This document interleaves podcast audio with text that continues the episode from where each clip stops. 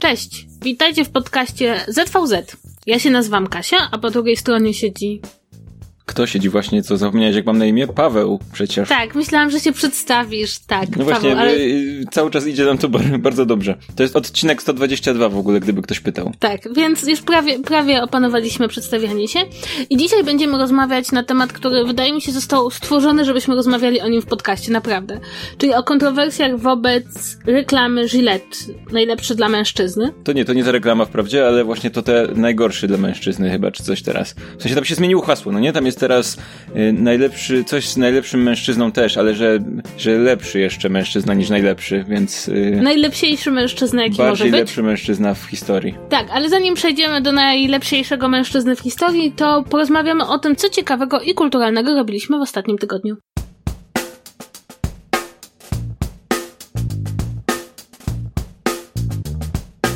Zacznę ja i chciałbym opowiedzieć dzisiaj o seryjnych mordercach, dlatego że na Netflixie ostatnio z jakiegoś powodu Netflix zaczął realizować e, filmy, doku seriale dokumentalne o seryjnych mordercach. Z tego co widziałem, jest tam kilka chyba. No i e, widziałem e, serial pod tytułem Rozmowy z mordercą taśmy Teda Bandiego. Jeżeli ktoś, nie wiem czy ty o tym wiesz, ale jeżeli ktoś z naszych słuchaczy nie słyszał, to ja jestem to ciężko powiedzieć po polsku, bo jest to fajne określenie true crime po angielsku, a po polsku trudno powiedzieć, że jest się miłośnikiem seryjnych morderców albo coś takiego, to... Prawdziwej zbrodni. Prawdziwej zbrodni, nie brzmi dobrze. W każdym razie e, jakby e, lubię czytać o, o czy seryjnych mordercach, czy jakichś dziwnych historiach i tego typu rzeczach, e, co jest mniej awkward niż się wydaje, jak się o tym mówi, ale to, to będzie zdanie, które będę powtarzał dzisiaj. I więc taśmy Teda Bandiego, no Ted Bundy, jeden z takich bardziej znanych seryjnych morderców w Stanach i też taka szokująca sprawa, bo, bo to były takie czasy, kiedy Amerykanie jeszcze myśleli, że jak ktoś jest seryjnym mordercą, to pewnie jest jakimś żulem spod jakiejś budy, czy z, mieszkającym w jakichś slumsach, a nie uśmiechniętym studentem, robiącym sympatyczne wrażenie i tak dalej, i tak dalej. No i to była też sytuacja, w której yy, jedna z tych pierwszych sytuacji, kiedy ponieważ y, sprawca się przemieszczał, to znaczy zmieniał miejsce zamieszkania pomiędzy Stanami, no to trudno go było złapać, dopóki policja z różnych stanów nie zaczęła współpracować ze sobą. No i taśmy Teda Bandiego, jak sama nazwa wskazuje, opierają się w dużej części na nagraniach y, rozmów z Tedem Bandym już po tym, jak y, został skazany. I hmm, jakby z jednej strony to jest, to jest serial, któremu trudno jest cokolwiek zarzucić, bo jest, jest, sprawnie zrealizowanym dokumentem, yy, ma, zawiera sporo Y, materiałów źródłowych z tamtych czasów, to znaczy i nagrań, i zdjęć, i w ogóle jakichś takich nagrań, które nie dotyczą samej sprawy, ale są po prostu nagraniami, które nas powiedzmy wprowadzają w, w ten nastrój yy, Stanów i tak dalej, i tak dalej. Ale z drugiej strony no, chciałbym się odnieść do czegoś zupełnie innego. Kiedyś polecałem w podcaście inny podcast, jest taki podcast amerykański, nazywa się Last Podcast on the Left i to jest podcast, w którym między innymi yy, chłopaki opowiadają o historiach seryjnych morderców na przestrzeni wieków, że tak powiem. I jakkolwiek to może też dziwnie brzmieć, to oni łączą opowiadanie tych historii z, z taką częścią humorystyczną, z czarnym humorem powiedzmy, co jest naprawdę zdecydowanie mniej kontrowersyjne niż jak się o tym mówi, no bo te ich żarty jakby nie sprowadzają się do, nie, nie wyśmiewają ofiar czy samych morderstw czy czegoś takiego, tylko raczej skupiają się na, e, na ironizowaniu na temat czasów, w których się działy te sprawy albo niekompetencji policji i tak dalej, i tak dalej. W każdym razie, nawiązuję do tego tylko dlatego, że tamten podcast, opowiadając o tych wszystkich historiach, dzięki, dzięki tej stylistyce jest jakiś. Jest, okej, okay, to nie jest podcast dla każdego, no bo nadal to jest y, czarny humor i tak dalej, i tak dalej, ale jest jakiś. A oglądając ten serial o Tedzie Bandy od Netflixa, miałem wrażenie, że on nie jest jakiś, jest trochę żaden. To znaczy, jasne, przekazuje te wszystkie informacje i one są szokujące same w sobie i mrożące krew w żyłach, powiedzmy, ale jednocześnie ani w żaden sposób zdaje się ich nie komentować, ani nie nie odnosi ich w żaden sposób do współczesności, na przykład porównując to, w jaki sposób zmieniła się praca policji na przestrzeni lat i tak dalej, i tak dalej. Po prostu jakoś tak mm, po prostu przekazuje nam informacje na, ten, na, na temat Teda Bandiego i z historii jego pojmania i tak dalej, i tak dalej w, w taki jakby trudny do uchwycenia, neutralny powiedzmy sposób. I to nie jest taki neutralny sposób, który jest wyborem artystycznym, że wiesz, y, opowiadamy o tym w zimny sposób i same fakty są szokujące. Nie, tutaj jakby wydaje się, jakby ktoś po prostu postanowił zrealizować poprawny film dokumentalny. Jeżeli miałbym się jeszcze do czegoś przyczepić, to yy, chronologia jest no bo jak, jak sam tytuł wskazuje, y, serial opiera się głównie na rozmowach z Tedem Bandym, ale jednocześnie opowiada o, na przykład o czasach sprzed jego pojmania, w momencie, w którym w ogóle nie był jeszcze, nie był jeszcze podejrzanym, albo wręcz z czasów, w których już był podejrzanym, ale y, lokalna społeczność jeszcze go broniła, bo nikt nie wierzył, że on mógł dokonać takich czynów. Więc jednocześnie mamy narrację z czasów, w których już wszystko było wiadomo i jednocześnie mamy narrację z przeszłości i one są obie przedstawione tak jakby opowiadały o czymś, co się dzieje w tym momencie, więc można się pogubić chronologicznie jakby o czym tak naprawdę mówi w tym momencie narrator, bo on przeskakuje pomiędzy, wiesz, współczesnością przesłuchiwanego Teda Bandiego, a współczesnością jeszcze niepojmanego Teda Bandiego, co jest trochę konfundujące, ale, ale to jest jakby mniejsza rzecz. Przede wszystkim kwestia jest taka, że jasne, to, to opowiada o o, o, o, ciężkich sprawach, o ciężkich tematach, o ciekawej historii, o, yy, o, ale jednocześnie cały czas wydaje mi się, że być może to jest tak, że ja za dużo wiem, bo jak za dużo o tym czytałem, za dużo słuchałem i tak dalej, i tak dalej, i być może jak ogląda to ktoś zupełnie nieobeznany z tematem, to dla niego to jest ciekawe i, i szokujące i tak dalej, i tak dalej, ale dla mnie jakby za mały był wkład własny twórców tego serialu, a za dużo tam było, znaczy może nie za dużo, ale po prostu on sprowadzał się tylko i wyłącznie do takiego estetycznego, neutralnego przekazania informacji i niczego więcej. Więc jasne, to było ciekawe, jeżeli ktoś nie, ma nie ma pojęcia na ten temat, ale wydaje mi się, że są lepsze materiały źródłowe, jeżeli ktoś, kogoś interesują takie tematy, które jakby trochę więcej wkładają od siebie, trochę więcej komentują, a nie tylko przekazują informacje i tak dalej, i tak dalej. Więc polecam tak sobie. Jeżeli kogoś intryguje temat, no to może sięgnąć. Nic to nie kosztuje, jeżeli macie Netflixa, ale ale i żeby to było coś jakiegoś bardzo specjalnego, to niekoniecznie. Zresztą chyba w ogóle e, sama ta produkcja wzbudziła trochę kontrowersji tym, że jakby Netflix bardzo, właśnie jak mówisz, bardzo idzie w to true crime, bo to jest teraz bardzo modne.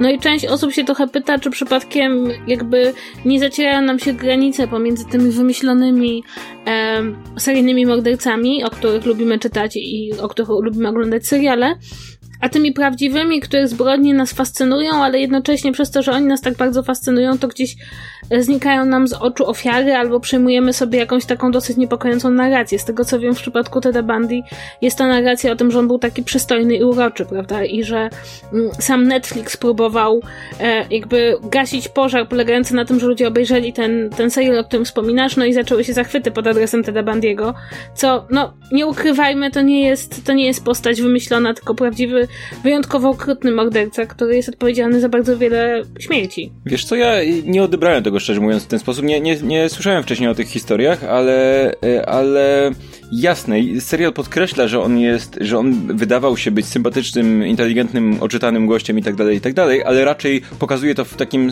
znaczeniu, że wtedy Amerykanie myśleli, że ktoś taki nie może być mordercą, a jednak może być. Plus druga rzecz jest taka, że ten serial mimo wszystko dość mocno koncentruje się też na ofiarach, to znaczy opowiada historię z punktu widzenia ofiar i jakby pokazuje, dość mocno też skupia się na nich i nie wiem, ja, ja nie odebrałem tego w ten sposób, żeby on w jakiś sposób gloryfikował Teda Bandiego albo, nie wiem, wybielał go czy coś w tym rodzaju. Wręcz przeciwnie, raczej, mm, raczej to było pokazane w kontekście, że potwór może się kryć nawet w gościu, który się wydaje bardzo sympatyczny. Ale to pewnie jest też kwestia indywidualnego odbioru czegoś takiego, więc może też warto uważać, co się ogląda, nie? Ja mam z kolei e, też propozycję Netflixową, ale z zupełnie innej beczki, czyli Russian Dolls. E, po polsku to by były matrioszki, a właściwie matrioszka. E, jest to serial, który należy chyba do gatunku New Weird, jakbyśmy to e, mogli określić i pokazuje, że Netflix rzeczywiście tworzy przestrzeń dla produkcji serialowych, które chyba w innym przypadku miałyby mniejszą szansę na sukces. Historia jest bardzo prosta. Kobieta obchodzi 36 urodziny. Są to urodziny z wielu powodów ważne, ponieważ, jak dowiadujemy się dosyć szybko, jej własna matka nie dożyła 36 urodzin, więc bohaterka jakby pierwszy raz w życiu będzie starsza od swojej matki. No i przeżywa wieczór rodzinowy, e, po czym ginie. E, ale zamiast jakby zakończyć swoje życie, budzi jakby odkrywa, że jest w tym samym miejscu, w którym była poprzednim razem, czyli w toalecie w czasie trwania swojego przyjęcia urodzinowego. I tutaj mamy e, fabułę, która pod pewnymi względami jest bardzo podobna do Dnia Świstaka, czyli e, bohaterka ginie za każdym razem i za każdym razem odradza się w tym samym miejscu, w tej samej przestrzeni. E, nie jest to jednak Dzień Świstaka i historia nie polega na tym, że ona powinna naprawić swoje relacje absolutnie ze wszystkimi, żeby już się w tym samym miejscu nie budzić, e, ale trzeba powiedzieć, że jest to serial, który z jednej strony jest po prostu bardzo zabawny i bardzo dobrze zrealizowany, świetnie zagrany przez aktorkę znaną z Orange is the New Black. Natomiast do tego wszystkiego jest to rzeczywiście produkcja tego typu, że oglądamy kolejne odcinki, pojawia się coraz więcej pytań, dostrzegamy coraz więcej szczegółów, które są gdzieś w tle i które sugerują, że historia, którą oglądamy jest nieco bardziej skomplikowana niż nam się wydaje. A do tego wszystkiego jest to po prostu produkcja bardzo zabawna, e, bardzo dobrze zrealizowana, dynamiczna, fajnymi postaciami, ciekawymi, e, niestandardowymi. W związku z tym to z jednej strony ogląda się ten serial po to, żeby się dowiedzieć, co się tak właściwie przydarza naszej bohaterce i dlaczego. A z drugiej strony ogląda się ten serial po prostu dlatego, że dosyć szybko zaczynamy bohaterkę lubić, e, dosyć szybko zaczynamy lubić świat, w którym ona się porusza, bo nie jest to świat. On nie jest dziwny, ale jest jednak trochę przerysowany, trochę karykaturalny. No i jest to tego typu produkcja, że zaczyna się oglądać jeden odcinek, a potem każdy odcinek trwa 20 parę minut, więc jest to taki format, no, bardziej serialu komediowego.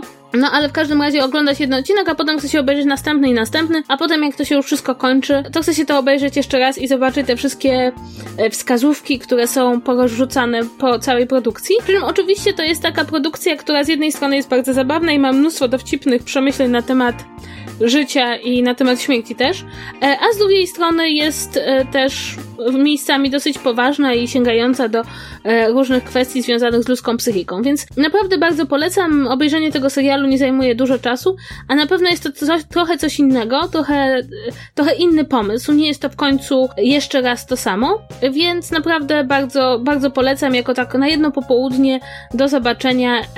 Nie jest, niektórzy twierdzą, że jest to serial absolutnie wybitny, ja bym tutaj polemizowała, ale na pewno jest to serial bardzo ciekawy i, i mogę polecić do obejrzenia. Okej, okay, to y, mamy dzisiaj chyba miniaturowy segment, jeżeli chodzi o polecanie rzeczy. Wracamy do Was za chwilę.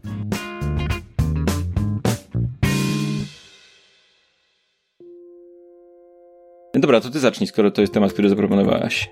Tak, ja zaproponowałam, żebyśmy porozmawiali jak mężczyzna z kobietą, jak y, podcasterka z podcasterem o reklamie Gillette. Kilka tygodni temu, bo to już e, awantura trwa od kilku tygodni, Gillette wypuściło reklamę, która jest reklamą częściowo produktu, e, ale częściowo społeczną. E, przedstawia mężczyzn, którzy jakby mówi mężczyznom, że nie da się dłużej ignorować toksycznych zachowań, które pojawiają się w kulturze, a które są związane z męskością, jak molestowanie, mansplaining, agresja i że coś trzeba z tym zrobić. No i reklama mówi, że musimy odrzucić ten, jakby, że nie możemy już tego ignorować, nie możemy się z tego wyśmiewać, nie możemy udawać, że tego nie ma, nie możemy stosować dawnych schematów zachowań, musimy się zmienić. No i ta zmiana, jakby już niektórzy mężczyźni się zmienili, ale jeszcze jest dużo do zrobienia. E, no i że jedynym sposobem, żeby coś się zmieniło, to kiedy mężczyźni będą za siebie wzajemnie odpowiedzialni. I reklama dzieli się tak dosyć wyraźnie na dwie połowy. Pierwsza połowa pokazuje te negatywne zachowania, mm, czyli właśnie e, mm, jakby jakieś oglądanie się za kobietami, um, mówienie, że bijących chłopców, że bijących się chłopców nie należy rozdzielać, bo boys will be boys, czyli takie to jest chłopięce zachowanie, e, pokazuje bullying, pokazuje raporty o mitu, a w drugiej części reklamy widzimy mężczyzn, którzy postępują w sposób, no, możemy powiedzieć właściwy, czyli rozdzielają bijących się chłopców, jakby zachowują się stosownie względem kobiet, nadzorują innych mężczyzn, żeby ci nie zachowywali się niestosownie względem kobiet. E, no i przesłanie reklamy jest takie, że musimy się zmienić nie tylko dla siebie, ale także dlatego, że dzisiejsi chłopcy będą kiedyś mężczyznami i to, jakie zachowania obserwują, zdecyduje o tym, jacy sami będą i że jakby powinniśmy od siebie wymagać więcej, żeby być najlepszymi możliwą wersją mężczyzn. No i problem polega na tym, że bardzo duża grupa osób głównie mężczyzn, uznała tę reklamę za wyjątkowo nieuczciwą względem facetów, e, ponieważ jakby twierdzą, że ona oskarża wszystkich mężczyzn o te zjawiska, a tymczasem to nie jest tak, że wszyscy mężczyźni tak robią, a poza tym męskość jest czymś bardziej skomplikowanym niż tylko robieniem złych rzeczy. E, no i że ta reklama jakby za bardzo upraszcza i wrzuca wszystkich do jednego worka i trochę mówi, że wszyscy facety są źli. I to jest taka najpopularniejsza krytyka. E, druga krytyka jest trochę taka, mm, powiedziałabym, bardziej lewicowa, która mówi, że tak naprawdę e, te wszystkie pozytywne cechy mężczyzn, które Gillette wskazuje, są dosyć tradycyjnymi pozytywnymi cechami, czyli e, bronienie słabszych, czy szarmanckie zachowanie względem kobiet, tak naprawdę nie jest niczym nowym w pewnej koncepcji męskości. W związku z tym nie przełamuje to żadnego stereotypu, który jest, tylko powiedzmy bardziej wzmacnia pozytywne zachowania w kontekście tych negatywnych, ale nic tutaj nie przełamuje, że jest to reklama właściwie bez kobiet i kobiety występują tam tylko w, e, w formie ewentualnych ofiar, czy, kobiet, czy, czy nie wiem, ofiar mansplainingu, czy molestowania. I to są takie jakby dwa, dwa punkty. Trzeci jest taki, że ta reklama na, na przykład na YouTubie ma 700 tysięcy lajków e, i chyba półtora miliona dislajków. E, I trwa ta dyskusja bardzo, bardzo szeroka. E, ja mam swoje zdanie o tej reklamie, ty Pawle pewnie też, więc może ty zaczniesz, skoro ja przedstawiłam już całą problematykę. E, ja zacznę jako mężczyzna, zaraz ci wytłumaczę, Kasiu, jak to powinno w ogóle się o tym rozmawiać, wiesz? Dziękuję. Wiesz co, wbrew pozorom nie mam jakiegoś bardzo mocnego zdania albo jakiegoś bardzo mocno skonkretyzowanego, to znaczy powiem tak, z jednej strony jakby rzecz, która jest dla mnie jakby przede wszystkim jest dla mnie dość istotne, to jest to, że mimo wszystko to jest cały czas reklama, nie? I ja, ja takie reklamy zawsze traktuję trochę z drugiej strony niż, y, niż y, jakby staram się szukać w nich drugiego dna. I dla mnie interpretacją takiej reklamy nie jest, znaczy dla mnie najważniejsze w przeglądaniu takiej reklamy nie jest to, co ona mówi, tylko co ona mówi o firmie, która taką reklamę zdecyduje się zrealizować. Dla mnie ważniejsze jest to, że w tym momencie Wypuszczenie takiej reklamy świadczy o tym, że Gillette, y, międzynarodowa wielka korporacja, uznała, że takie postawienie sprawy i taki wizerunek bardziej im się opłaca niż ten drugi. To tak jak kiedyś Empik zrobił sobie kolorowe logo przy okazji Marszu Równości w Warszawie, zdaje się, czy, czy legalizacji y, małżeństw jednopłciowych w Stanach, już nie pamiętam y, przy jakiej okazji, ale zrobili sobie coś takiego. No to, to nie chodzi w tym momencie, żeby uznać, że e, Empik stał się nagle firmą, które, dla której ważne są takie idee, czy ideały jakieś i tak dalej, no bo to jest korporacja, nie możemy jakby traktować tego tak stuprocentowo szczerze jako idealizm, czy coś takiego. Ale oznacza to, że taka korporacja jak Empik uznała, że bardziej im się opłaca stanąć po tej stronie, niż umy umywać ręce i jakby być neutralną. I to według mnie jest ta bardziej istotna informacja. W tym wypadku wynika z tego, że, bo wiesz, Gillette mógł w ogóle nie robić takiej reklamy, mógł po prostu nie, nie uczestniczyć w tej dyskusji. Z tego, że oni ją zrealizowali wynika, że według ich strategów, marketingowców czy cokolwiek takiego, bardziej się opłaca wizerunkowo stanąć po tej stronie, po której stanęli, niż nie stanąć po żadnej. I to według mnie jest informacja, która mówi o tym, że społeczeństwo zmienia się w dobrym kierunku, nie? To jest, powiem ci szczerze, bardzo, bardzo dobra perspektywa, którą bardzo mało osób podnosi w tej dyskusji. E, dla mnie dwie rzeczy są ciekawe, a właściwie trzy rzeczy są ciekawe. Pierwsza to jest taka, że rzeczywiście, tak jak mówiłeś, jeśli spojrzymy na to przez pryzmat korporacji, tego co korporacje próbują przekazać ludziom, to ja to sobie porównałam z reklamami, które są kierowane do kobiet. E, ponieważ jakby Wydaje mi się, że to, co najbardziej poruszyło mężczyzn, to nawet nie samo przesłanie, ale że w ogóle ktoś wykorzystał reklamę produktu do przekazu społecznego, że ktoś ich próbuje w ten sposób pouczać. Tymczasem jakby w przypadku kobiet to się dzieje non-stop. Dove, Adidas, Always, to są Nike, to są wszystko firmy, które od lat sprzedają swoje produkty z takim przekazem, nie wiem, kochaj swoje ciało takie, jakie jest, um, Always ostatnio miała taką reklamę, co to znaczy rzucać jak dziewczyna, co to znaczy biegać jak dziewczyna, czyli wskazując, że jakby to określenie jak dziewczyna nie powinno być pejoratywne. I to jest dla mnie bardzo ciekawe, bo y, te przekazy takie społeczne są w reklamach dla kobiet od dawna. I rzeczywiście Gillette tutaj w pewien sposób jest nowe, ale co trzeba zwrócić uwagę, rzeczywiście e, reklamy kierowane do kobiet zwykle są pozytywne, zwykle są bardzo wzmacniające. Ta reklama była raczej taka pouczająca, więc myślę, że tutaj to, to mógł być błąd z punktu widzenia odbioru, odbiorcy, zwłaszcza, że nie wiem czy pamiętasz, kilka lat temu Axe, te takie kosmetyki dla mężczyzn, którym nie mogą się oprzeć kobiety, Mhm. Zdecydował się wypuścić reklamę zupełnie na przekór w 2016 roku. Na przekór swoim wszystkim wcześniejszym kampaniom reklamowym, gdzie było takie, po co ci sześciopak, jak masz taki nos, po co ci taki nos, jak masz taki kapelusz, po co ci kapelusz, jak umiesz tańczyć na obcasach. I to była taka reklama, która przechodziła przez bardzo różne wzorce męskości, także takie bardziej tradycyjne i takie zupełnie zaprzeczające tradycji, jakby wzmacniając je, mówiąc je, różnorodność w podejściu do męskości jest fajna, każdy z was jest fajny i było to takie odcięcie się od tego dosyć seksistowskiego wcześniejszego sposobu reklamowania się, ale było ponownie wzmacniające, pozytywne, mówiące fajnie chłopaki, możecie być bardzo różni. I nie było kontrowersji wobec reklamy AXA. Więc myślę, że e, tutaj największą kontrowersję być może nie tyle wzbudził sam przekaz, to to, że ludzie po prostu reagują alergicznie na to, jak ktoś ich poucza e, z reklamy. E, natomiast jeśli chodzi o sam przekaz, to ja się tak autentycznie zawiesiłam przy, przy tej takim jakby powszechnym argumencie dotyczącym do tego, że to wrzuca wszystkich mężczyzn do jednego worka, bo powiem szczerze, że ogólnie rzecz biorąc, kiedy mówimy o szerokich zjawiskach społecznych, to mówimy w ten sposób. No, przepraszam bardzo, ale jeśli ja powiem, że w Polsce wzrasta nacjonalizm, to nie znaczy, że każdy Polak jest nacjonalistą. I tak samo, jak ktoś powie, mamy problem w społeczeństwie, ponieważ kobiety są częściej molestowane przez mężczyzn, to nie znaczy, że każdy mężczyzna molestuje kobiety. I to mnie właśnie trochę zastanowiło, czy to nie jest tak, być może, że mężczyźni nie są przyzwyczajeni do tego, że ktoś ich poucza w ten sposób. To znaczy, że być może w kulturze dużo bardziej kobiety są przyzwyczajone do tego, że ciągle się je poucza i uczą się znajdywać w tym jakby swoją taką indywidualne podejście do niektórych spraw, że nie każdy przekaz o kobietach jest do nich. Natomiast wydaje mi się, że mężczyźni, i to już widziałam wielokrotnie, traktują każdy przekaz o mężczyznach, jakby on był kierowany personalnie do nich. Być może to tu jest problem, że, że jakby nie uczymy mężczyzn tego, że ktoś ich być może będzie gdzieś po drodze pouczał odnośnie, odnośnie zachowania innych przedstawicieli ich płci. Tak. To jest moja skrótowa odpowiedź. Moja dłuższa odpowiedź jest taka, że zobacz nawet na popkulturę.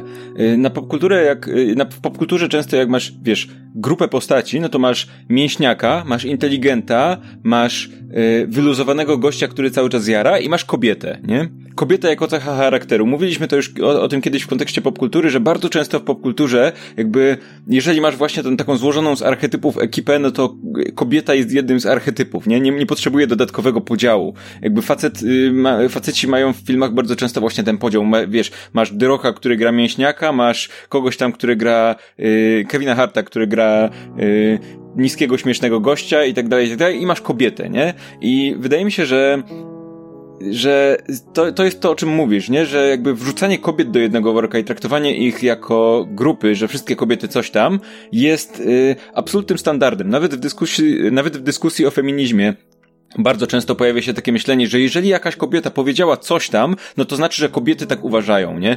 I uogólnianie do kobiety uważają coś tam, kobiety robią coś tam, kobiety takie są, kobiety takie nie są, jest bardzo powszechne, a przy mężczyznach to jest zdecydowanie yy, mniej, mam wrażenie, że mniej powszechne w kulturze, a więc ponieważ jest mniej powszechne w kulturze, to jak ktoś coś takiego powie, no to odruchem nie jest w tym momencie, okej, okay, mówiąc coś takiego, ktoś uogólnia i niekoniecznie ma na myśli wszystkich, tylko ma na myśli tych, którzy takie cechy yy, przejawiają, a każdego. To, I to, czy ja się jestem częścią tej grupy, czy nie jestem, no to już sam o tym wiem tylko wręcz właśnie pojawia się oburzenie, no bo jak to? Ktoś powiedział, że mężczyźni wszystko, no to nie wskazał konkretnie których, no to znaczy, że ma na myśli wszystkich, nie?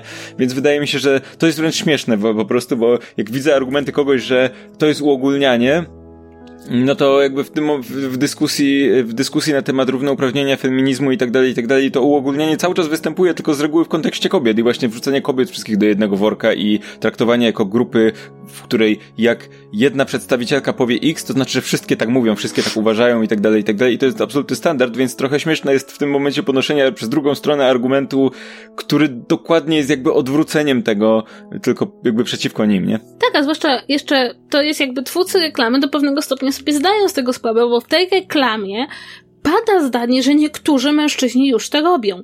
Więc jeśli czujesz się w tej grupie, ej, ale ja jestem w porządku, ja jakby pouczę mojego kolegę, ja daję dobry przykład dzieciom, no to come on, oni cię uwzględnili w tej reklamie.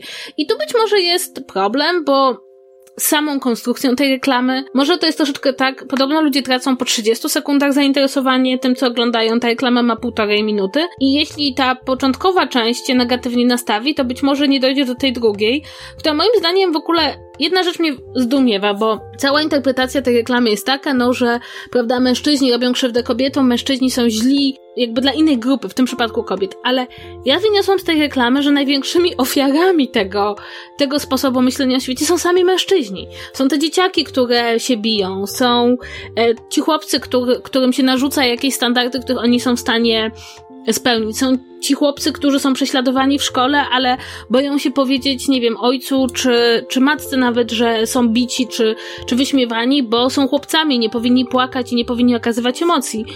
E, I mam takie poczucie, że to jest bardzo smutne, bo ta reklama nie mówi e, bądź lepszy dla kobiet, tylko jeśli, jeśli dasz dobry przykład dzieciom, to z nich wyrosną fajni faceci i, i te dzieciaki nie będą niosły za sobą jakichś, nie wiem, ran, jakichś stereotypów, które najbardziej się negatywnie odbijają na mężczyznach. I wydaje mi się, że to jest coś, co w ogóle znika w tej dyskusji, że tak naprawdę ta reklama jest bardzo nastawiona na mężczyzn. Tam kobiety występują w tle. Tak naprawdę to jest reklama faceci bądźcie lepsi, bo wtedy będą wyrastali lepsi faceci, i, którzy będą mieli lepsze życie i, i którym będzie lepiej. Tak, zdecydowanie to jest reklama, jakby cały kontekst tej reklamy to jest my faceci mówimy do nas facetów, jakby żebyśmy grupowo uznali, że powinniśmy być lepsi. Jakby to jest reklama od facetów dla facetów, tak bardzo, jakby to jest bardzo, zresztą jakby powiedzmy sobie szczerze, mówiłem w tym momencie o produkcie w segmencie dla facetów. Nie wiem, czy Gillette produkuje też produkty jakby dla kobiet. Zakładam, chyba, że chyba tak, nie? Jakby nie, nie jestem w, nie jestem w targecie. Ja mam brodę, więc ten... Wiesz, że nie wiem, chyba jakieś, chyba jakieś żyletki do tego, do, do nóg, chyba tak. Wydaje mi się, że tak, ale wydaje mi się, że rekla ich reklamy, nie wiem, czy mają taką samą markę, czy jakąś submarkę. Wydaje mi się, że jakby są wyraźnie podzielone i to jest wyraźnie jakby ten segment dla facetów, którzy mieli, w którym, w którym wcześniej było to hasło najlepsze dla mężczyzny i tak dalej, i tak dalej. Więc to jest, więc nawet ta, ta druga strona krytyki, o której mówiłaś, że jakby jest za mało kobiet w tej reklamie, no to bierze się z tego, że to jest właśnie reklama od facetów dla facetów, w której pokazuje się facetów i różne wzorce męskości, pokazuje się tych, którzy popełniają błędy, powiedzmy, i tych, którzy starają się to zmieniać, nie? I jakby stąd brak, e, brak e, e, kobiet w tej reklamie jako tako, no bo jakby ona nie jest adresowana do kobiet, nie? Tutaj kobiety są w cudzysłowie w tle, ale są w tle dlatego, dlatego że jakby taki jest koncept w tym momencie, nie? Więc to jest jedna rzecz.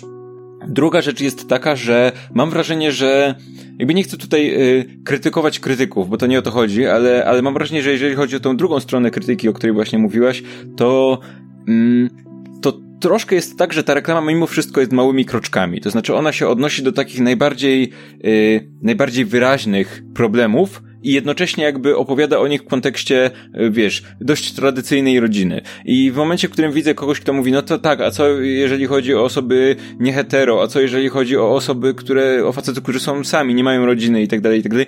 Tylko, że trudno, ta, ta reklama już ma półtora minuty nie wyobrażam sobie, żeby jeszcze ona miała objąć wszystkie inne rodzaje grup społecznych i tak dalej, i tak dalej, które czują się tutaj wykluczone w jakiś sposób i tak dalej. Wydaje mi się, że jasne, to jest, to jest reklama, która pewny, w pewien ograniczony sposób opowiada o tym problemie, w taki, y, o, o najbardziej oczywistych jego stronach, ale mam wrażenie, że robi to na zasadzie, wiesz, małymi kroczkami. Z drugiej strony czytałem też, że hej, to są w ogóle problemy, które są wymyślone, że już tak się nie dzieje, że to w ogóle jest, yy, jasne, tam są takie sceny, tam jest, jest taka jakaś scena z nagrywania jakiegoś yy, programu rozrywkowego, w której tam, nie wiem, facet klepie dziewczynę po, po tyłku, czy coś takiego, już nie pamiętam, z jakiegoś ten, no i jasne, to wygląda jak scena wyrwana, wyrwana z jakichś lat 60. czy czegoś takiego, tylko, że to mam wrażenie, że jest jakby intencjonalne nawiązanie do różnych elementów kulturowych, nawet e, czy historycznych. Nawet wtedy, wydaje mi się, że wtedy narrator mówi coś w rodzaju, że tak, takie rzeczy się dzieją od dawna, nie?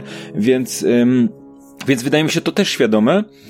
I i tak, tak jak mówię, jasne, to nie jest tak, że wierzę nagle w to, że korporacja postanowiła po, zmienił, zmienić się w firmę o złotym sercu i walczyć o dobro i tak dalej, i tak dalej, tylko bierze się to raczej z tego, że oni uznali, że im się opłaca stanąć po tej stronie, co nie zmienia faktu, że zwraca uwagę na problemy, które nadal mimo wszystko istnieją mniej lub bardziej, no i jednocześnie jakby jest tym, tą taką historią od facetów dla facetów, więc y, myślę, że każdy facet, który to ogląda, każdy mężczyzna, który to ogląda, powinien sam jakby indywidualnie rozkminić, w którym miejscu tej całej historii jest. Czy w tym początkowym pokazującym te najbardziej patologiczne, powiedzmy, zachowania, czy w tym dalszym, który pokazuje coraz bardziej te pozytywne i, i tyle. I tak mi się wydaje, że tak powinno to działać mniej więcej.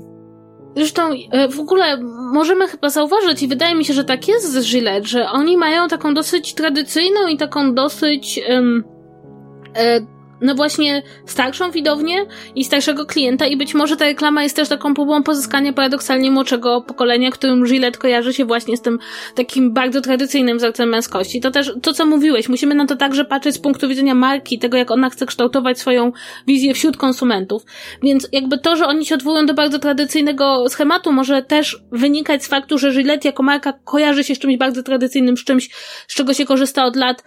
Też pamiętajmy, że dzisiaj na przykład coraz mniej to znaczy wydaje mi się, że coraz mniej mężczyzn korzysta z jednorazowych żyletek, że coraz więcej się przedstawia na, powiedzmy, te elektro...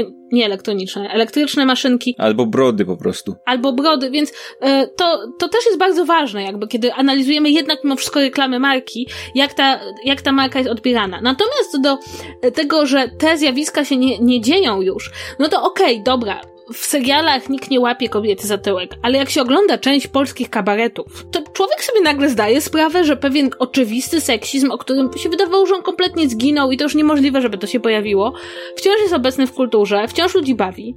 I też jest Wydaje mi się, że jest pewien problem, bo część takiego kulturowego rozbioru tej reklamy robią ludzie, którzy zajmują się na co dzień analizowaniem kultury i to bardzo często osoby z takich środowisk, gdzie no jakby już wszystkie te schematy dotyczące patriarchatu, toksycznej męskości, kultury e, są przerobione i czasem pewne rzeczy moim zdaniem umykają. Znaczy, wydaje mi się, że tak na przykład seksizm w kulturze popularnej wciąż się ma bardzo dobrze i to nawet w tych wymiarach, które wydawało się mogły już dawno, dawno umrzeć. Ja tylko podam przykład. Jeśli w remake'u Jurassic Park, w Jurassic World mogły się znaleźć tak seksistowskie wątki, jakie się znalazły w pierwszej części, to co się dzieje w tych strefach kultury mniej, rzekłabym, wyeksponowanych, ale wciąż, wciąż obecnych w popkulturze. No, dla mnie polskie kabarety są dosyć dobrym przykładem.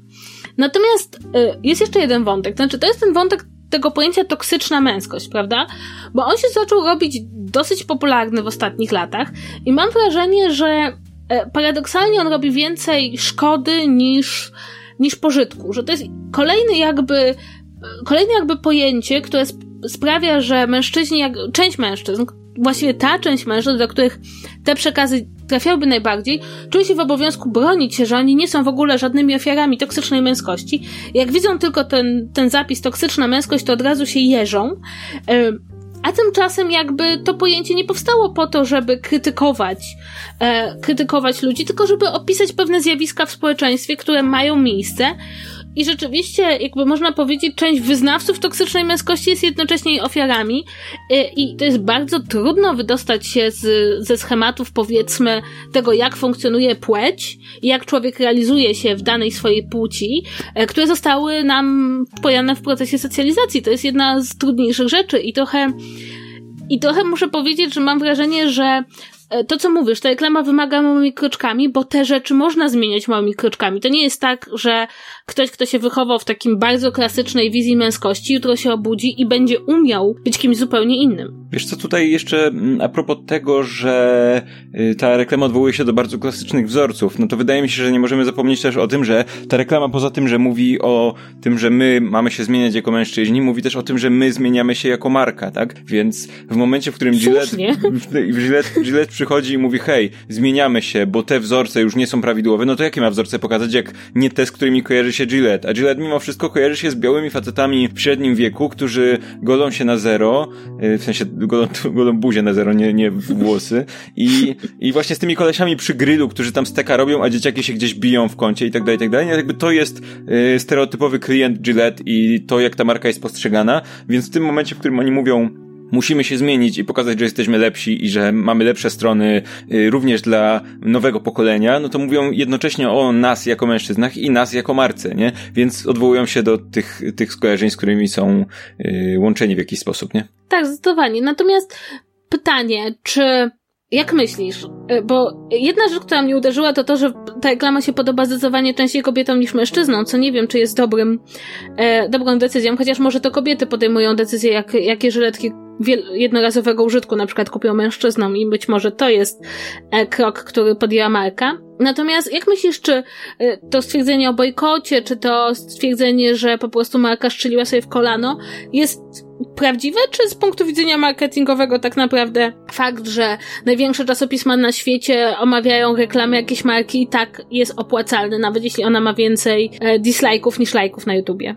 Wiesz co, z tego jaką ja mam wiedzę wynika, że rzadko tak naprawdę wszystkie bojkoty, na po, po, po, jakimś tam spocie, bojkoty marki i tak dalej, i tak dalej, rzadko sprowadzają się do czegokolwiek więcej niż powiedzenie, że teraz będziemy bojkotować markę, bo potem człowiek staje przy półce w sklepie i po prostu bierze te co zawsze, albo Albo właśnie, nie wiem, y, żona idąc do sklepu kupuje po prostu zgarnia to, co zawsze, no bo po prostu one są, albo nie wiem, albo y, y, przyciskiem z Amazonu zamawiają zawsze te same. Wydaje mi się, że patrząc po statystykach tak naprawdę, wszelkie bojkoty marek i tak dalej rzadko mają taki doraźny efekt, że nagle, nie wiem, spadnie sprzedaż czy coś takiego. To raczej jest początek jakiegoś kierunku budowania wizerunku przez markę i wydaje mi się, że to jest tak, że że to jest dopiero pierwszy krok w jakimś tam stopniu. Być może kolejne kroki już nie będą aż tak bardzo yy, dudniące, powiedzmy, tylko będą delikatniejsze, ale to jest raczej coś, co pokaże efekty stopniowo w ciągu najbliższych lat i zobaczy się, czy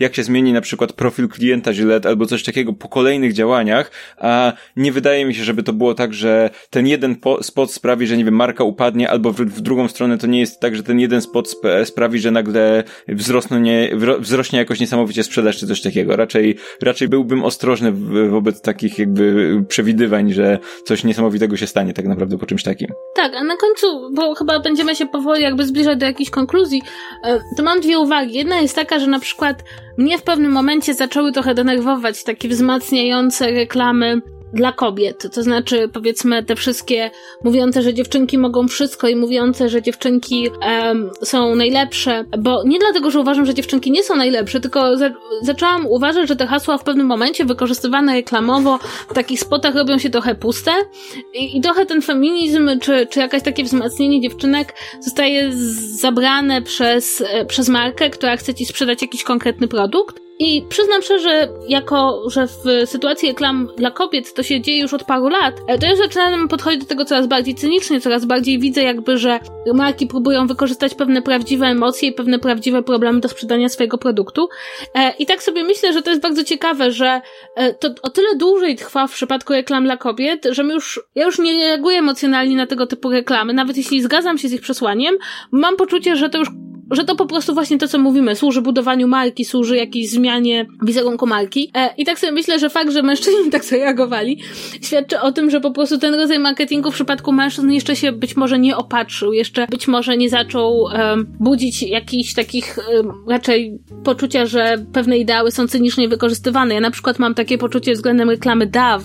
DAW ma takie reklamy, że wszystkie kobiety są piękne i, wszystko, i każdy kształt ciała jest piękny i każda kobieta wygląda pięknie, a w tych reklamach DAW są zawsze, zawsze kobiety, które mają, są chudsze albo grubsze, ale zawsze mają tak wygładzoną skórę, albo te ich sylwetki nie są w żaden sposób nieestetyczne, tylko na przykład są szersze, ale mają wcięcie w talii. Więc mam zawsze takie poczucie, że to piękno kobiet, które tam oni wychwalają, jest bardzo marketingowo zamarkowane. E, I to jest moja jedna uwaga. A druga to taka e, trochę w obronie być może tych, którzy się denerwują, to rzeczywiście być może należało zacząć od, od tylko tej wzmacniającej strony, tak? To znaczy, wydaje mi się, że gdyby ta reklama miała tylko tą połowę. Możemy być lepsi, możemy pokazać, jacy jesteśmy fajni, możemy, możemy być lepsi dla samych siebie, bez tego, tej pierwszej części, tego wymieniania, co się złego dzieje w męskości, czego chyba bardzo wiele jednak mimo wszystko widzów jest świadomych, zwłaszcza tych, którzy chcą się zmienić, e, to być może to mm, odniosłoby większy sukces. Jednak mimo wszystko e, reklamy kierowane do kobiet są nastawione głównie na ten pozytywny przekaz, więc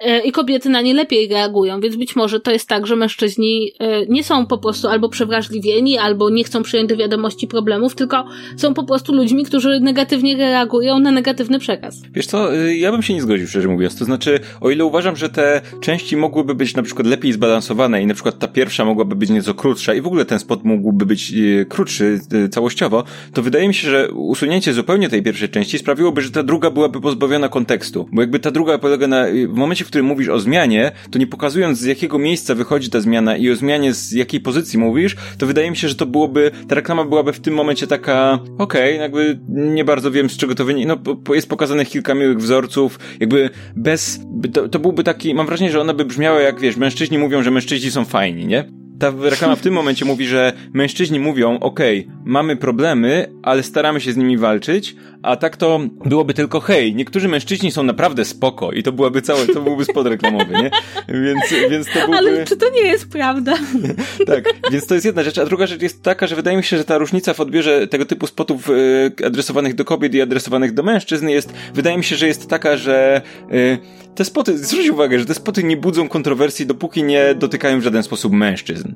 To znaczy, y, mam wrażenie, że to jest tak, zobacz, filmy, kino. Jak zrobisz film o grupie kobiet, wszystko w porządku. Ale jak zrobisz film o grupie kobiet, który jest kontynuacją albo nawiązuje do innego filmu, w którym była grupa mężczyzn, no to już jest źle, kontrowersje i tak dalej, i tak dalej. Przecież od lat powstają filmy o kobietach, które, nie wiem, urywają się od mężów, ile jadą do Vegas, albo cokolwiek takiego się dzieje. Jakby to jest, to jest yy, standard, to jest niemalże podgatunek kina amerykańskiego i tak dalej. Ale, i one nie budzą kontrowersji. Nikt nie mówi, hej, dlaczego w tym filmie są same kobiety? Ale w momencie, jak się zrobią pogromców duchów z samymi kobietami, no to już, już jest źle. Dlaczego?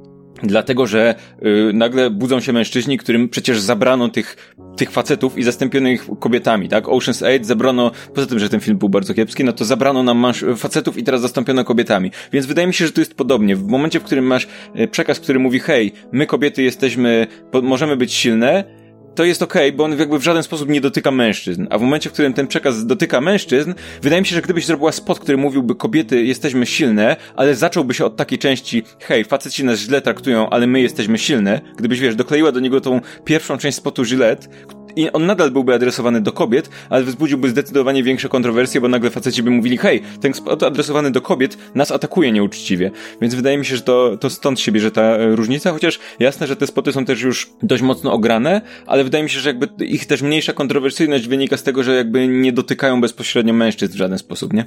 Czyli innymi słowy, delikatnie, bo delikatnie dochodzimy do wniosku, że mężczyźni mimo że Mają kulturowo twardzi są jacyś tacy miękcy, znaczy nie mięscy, nie mięscy, bo nie ma nic złego w byciu miękkim, ani w delikatnym, ale mają poważny problem być może z ego albo z takim poczuciem, że jeśli damy więcej miejsca kobietom w kulturze, to, to nie jest tak, że one zabiorą im ich miejsce i, i mężczyźni wyginą, albo już nikt nie będzie robił filmów o facetach. I wydaje mi się, że to jest dosyć smutne, dlatego że e, jakby ja bym nie chciała żyć w ciągłym poczuciu zagrożenia, że teraz ktoś przyjdzie i zabierze mi moje miejsce w kulturze, ale to też trochę znaczy, że po prostu, e, i to jest chyba nasz olbrzymi problem, z którym trzeba będzie walczyć, z pomocą Gillette albo nie, że mężczyzn wychowano do zupełnie innego społeczeństwa, w którym to ich miejsce jest, miejsce w centrum wydarzeń jest niezagrożone i oczywiste, e, i oni się czują bardzo terytorialnie wobec miejsca w kulturze, miejsca w społeczeństwie, w polityce, w biznesie. Każde działanie ze strony kobiet, e, które miałoby im to miejsce jakby zaburzyć, jest odbierany jako personalny atak.